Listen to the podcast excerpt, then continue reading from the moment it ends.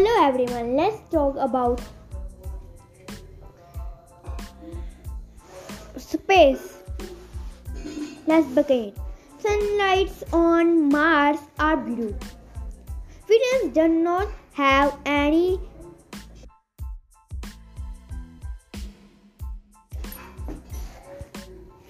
Neutron stars can spin at a rate of 600 rotates per second. Space is completely silent. There is uncountable number of stars in the known universe.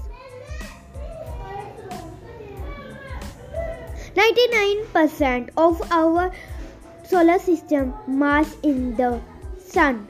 More energy from the sun hits earth every hour than the planet use in a year. Have a nice day. Thanks for watching me.